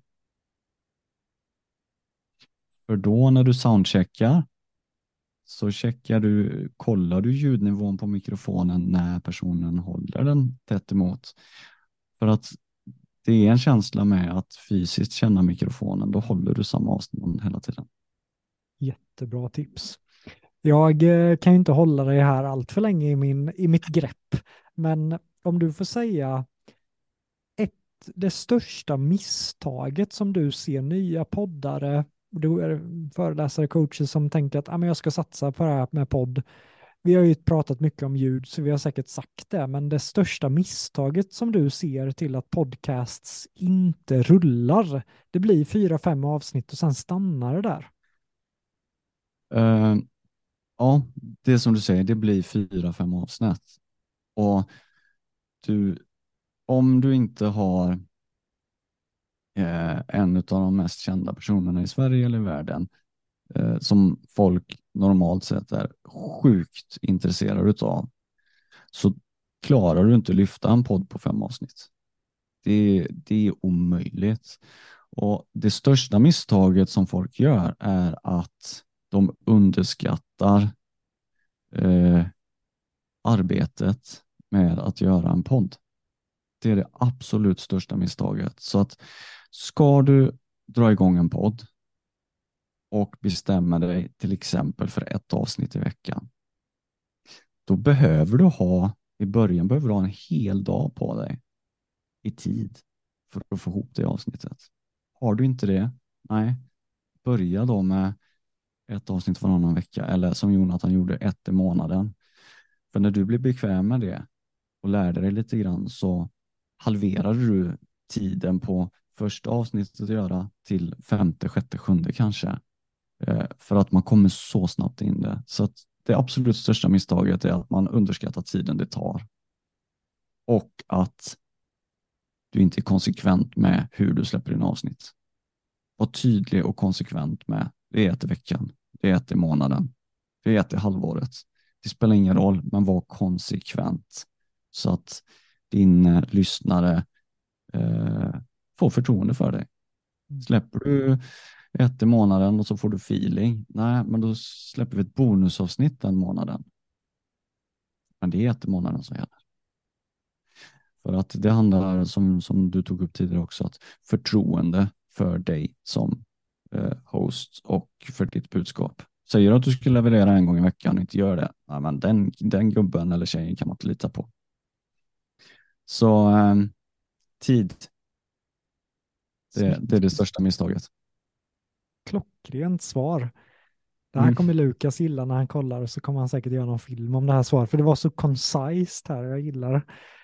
Min andra fråga är, två miljoner lyssningar, vad har varit de absolut främsta dragen till att få väldigt, väldigt många lyssningar? Har det varit sättet ni har promotat avsnitten? Har det varit att det har främsta nycklarna till den här enorma tillväxten i din podcast? Eh, En nyckel är att vi är oss själva. Punkt slut. Eh, Sen kan man ju hitta eh, roller och spela en roll. Men vi är oss själva och det gör att vi behöver inte tänka på hur vi interagerar med varandra, jag och Oskar, eftersom vi är två. Mm. Eh, kontinuitet. Vi har släppt eh, ja, fram till för en månad sedan ungefär eh, så händer det, ja, ibland händer saker i livet eh, som man inte kan rå för. Men Mm. vi har släppt ett avsnitt i veckan minst i två och ett halvt år och bonusavsnitt på det. Wow. Kontinuitet. Eh, vi har gjort, jag har varit i Norge på jobb och suttit klockan ett på natten och spelat in med Oskar som har smugit in i en garderob hemma hos sig för att inte väcka sina barn och jag har smugit undan på, för att jag har haft sovande jour en natt liksom och spelat in avsnitt. Han har varit hemma i Trollhättan, jag har varit i Norge. Sen har vi redigerat det. Alltså, det handlar om engagemang. Att nu gör vi det här. Um, ja. Ehm, Det är så här drop the mic. ja, men, Jättebra. så. Och jag gillar att det svaret vävde ihop med min fråga precis tidigare med misstaget också. Om Mm. du hade fått börja om som poddare, om vi hade spolat tillbaka tiden två, tre år bak när du började podda, Mm. är det någonting du hade gjort annorlunda då? Eh, ja. Jag hade satsat på eh, riktig utrustning från början. Då hade jag eh, jag hade nog faktiskt väntat en eller två månader med att köpa utrustning. Om det handlar om, om att du ska köpa en mikrofon för 700 eller 2000 kronor. Då hade jag väntat två löner till på mitt vanliga jobb eller gjort någonting för att få in det. Eh, så ljudet, jag menar vi, vi är inne på tredje uppsättningen nu och när man lyssnar på de första avsnitten som jag ska spela in, alltså det är nästan pinsamt kan jag känna idag. Men samtidigt så har det, det har varit en erfarenhet. Det har gjort att jag har lärt mig otroligt mycket om tekniken kring det för att det är ju, jag gör ju 90 procent av alla avsnitten har jag redigerat och klippt och klistrat och lagt in jinglar och sånt på. Oskar gör det emellanåt, men han är bra på andra saker så att eh, eh, det skulle jag säga. Spara inte på ljudet om du har möjlighet. Klockrent. Mm. Nästa fråga är ju från en poddare till en annan. Vad, hur tycker du att jag sköter mig som intervjuare här nu bakom? För nu ofta är det du som intervjuar och du har ju Mm. mycket mer erfarenhet än, än vad jag har. Jag är ju som en liten junior jämfört med dig Fredrik. Så har du någon feedback eller eh, Alltså- ord om, om mig som intervjuare? Eh, absolut har jag det. Eh, nu har ju vi träffats tidigare, både via Zoom och IRL som man säger.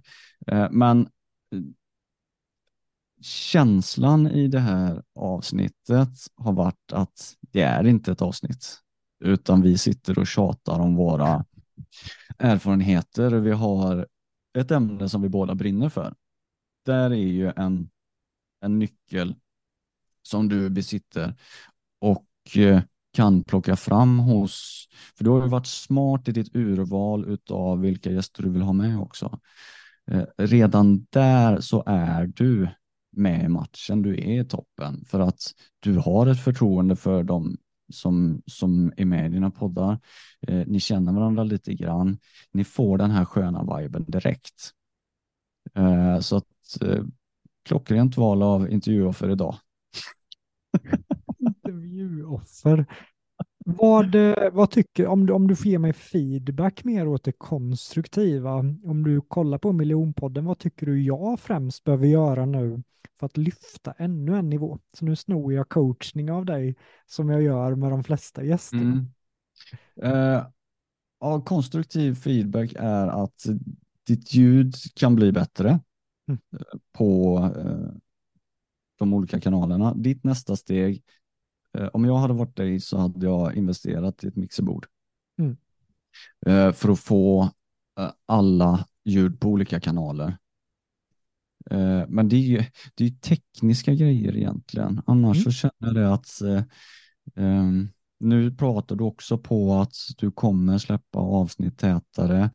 Du kommer släppa en ny säsong. Det är också ett jättesmart sätt att, nej men nu jobbar vi kanske eh, säsong nummer ett kanske det blir då, för du har inte haft någon säsong tidigare, eller vad det nu blir. Säsong nummer ett, den är åtta avsnitt och den håller på i åtta veckor. Säsong nummer två väntas komma till ja, februari. Till exempel. Mm. De, alla vet vad de får. Eh, vi har möjlighet att slänga in lite bonusavsnitt eh, emellan där, mellan säsongerna. Mm. Du kan bygga podd per säsong också. Du måste inte släppa ett i veckan. Det finns inga regler, bara var tydlig med vad och hur du gör. Och det, det är du tydlig med. Stort tack Fredrik för, för coachningen, men då syftar du på, på mitt ljud eller syftar du mer på att jag ska få till ett bättre ljud gäst och jag ja. så att de är mer i sam... För jag, jag kan vet inte om jag kan köpa någon mycket bättre mick än den här. Men du menar mer samsynken egentligen? Precis. Kolla på hur du plockar upp ljudet. Mm. Eh, från, eh, alltså du kan fixa ett virtuellt mixerbord, alltså ett, ett, så att du plockar upp ljudet i datorn på två olika kanaler. För att ha ju din, din mick är ju en kanal och sen har du ljudet i datorn är en kanal. Mm. Mm. Nej, klockrent. Jag, jag gillar ju detaljer som du vet och jag ja. Eh, tänker att jag eh, kommer satsa långsiktigt på att ta miljonpoddskonceptet internationellt. För jag menar, i 11-12 år, alla de här Tony Robbins, eh, Brian Trey, alla de här experterna inom föreläsning. Jag har ju studerat dem ut och in sedan jag var 17 och få sitta och intervjua. Och det finns ju inte på marknaden. Till skillnad från de flesta finns i USA och sen kommer det till Sverige. Men, men hela det här konceptet jag söker, jag sliter av med håret för jag letar efter information om podd. Men det finns ja. ingen sån här intervju, det finns inte hur man får sponsorer eller pengar och, och alla de här delarna, hur byggde Tony sitt imperium? Så det vore mitt ultimata mål att få intervjua Tony Robbins själv om de här delarna. Ja, det hade ju varit en magisk intervju. Definitivt. Eller ett magiskt samtal, för det är det vi vill ha. Vi vill ha ett samtal med varandra. Men jag tror det enda problemet kommer ju vara att jag kommer ju sitta där med ögonen uppspärrade och bara typ svimma. Om han säger hej kommer jag typ tappa det tror jag. Eftersom att han har hjälpt. Nej! ja men alltså, han fattar ju inte hur mycket han har hjälpt mig med alla hans kurser och hela rubbet utan att ens ha träffat människan och pratat så här. Så han förändrat hela mitt liv. Mm. och det är rätt häftigt vad man kan göra ja, också när sån här kunskap ligger här och bara rullar, hur vi faktiskt kan hjälpa människor utan att vara där fysiskt. Men eh, Fredrik, är det någonting sista som du vill säga till lyssnarna innan vi stänger ner för idag? Jag hade som ambition att det här avsnittet skulle bli runt en timme, en kvart. Vi har dratt över som vanligt. ja, precis. Ja, jag vet inte hur länge vi har suttit, men det känns bra. Nej, men alltså, jag säger samma som, som, du, som du var inne på här nu, att jag skulle kunna sitta här i två timmar till och, och mm. prata med dig om det här och ge tips och så vidare. Men eh, nej, fantastiskt trevligt och eh, positivt och härlig energi och jag hoppas verkligen att ni lyssnare har fått med er någonting av det här och eh, jag rekommenderar er att gå eh, Jonathans eh, miljonkurs. Du kommer lära dig massor. Samtidigt så tänker jag sticka in lite på att är ni mer nyfikna på mig så får ni jättegärna lyssna på Inre framgångspodden och, eh, och eller Oskar och Fredrik-podden. Och vi finns ju på nätet och vi heter det som Oskar och Fredrik alternativt Inre framgång. Så bara söka. Och Snyggt. tusen och jag tänker att vi, ja. vi länkar dina, din LinkedIn, dina poddar här mm. under avsnittet också så det blir enkelt att, att hitta till dig. Suveränt. Jätteschysst. Gött tugg Fredrik. Verkligen. Och stort verkligen. tack för att du har lyssnat på Miljonpodden. Vi skulle jättegärna uppskatta om du skriver till oss vad du tyckte om det här avsnittet. Vad tog du med dig kopplat till ett avsnitt fyllt med värde om podcasting, vilket är ett unikt och fantastiskt redskap att göra sin röst hörd och göra bra affärer på sin verksamhet. Ha en magisk dag så hörs vi snart igen allihopa. Hej!